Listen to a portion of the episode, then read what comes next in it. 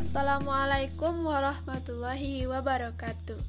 Saya Elsa Octavia dengan nomor induk mahasiswa 120 80 100 Dalam program studi peternakan di salah satu Universitas Indonesia, Winsuska Riau.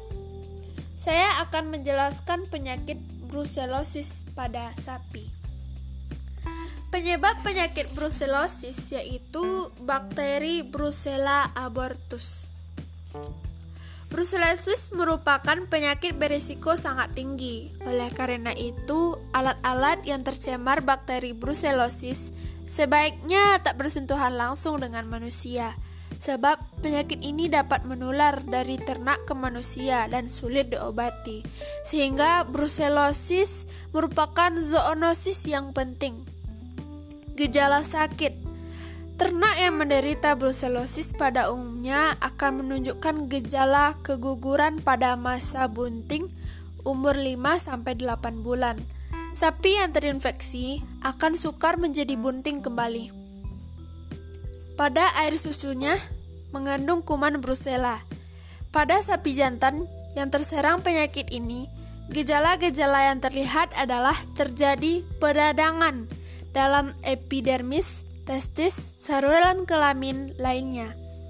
Pada kambing, brucellosis hanya memperlihatkan gejala yang samar-samar. Pada sapi, gejala penyakit brucellosis yang dapat diamati adalah keguguran. Pada ternak sapi jantan, terjadi pembengkakan pada testis dan persendian lutut. Cara pencegahan dan pengobatannya. Usaha pencegahan utama ditunjukkan pada vaksinasi dan tindakan sanitasi dan tata laksana. Sedangkan upaya pengobatan sampai saat ini belum ada dan cara pengobatan yang efektif. Pengobatan sulit dilakukan dan mempunyai beresiko yang sangat tinggi apabila dilakukan. Upaya yang perlu dilakukan adalah diberi suntikan vaksin, yaitu untuk sapi pedaging, vaksin dilakukan pada umur 3 atau 10 bulan atau lebih. Baiklah, wassalamualaikum warahmatullahi wabarakatuh.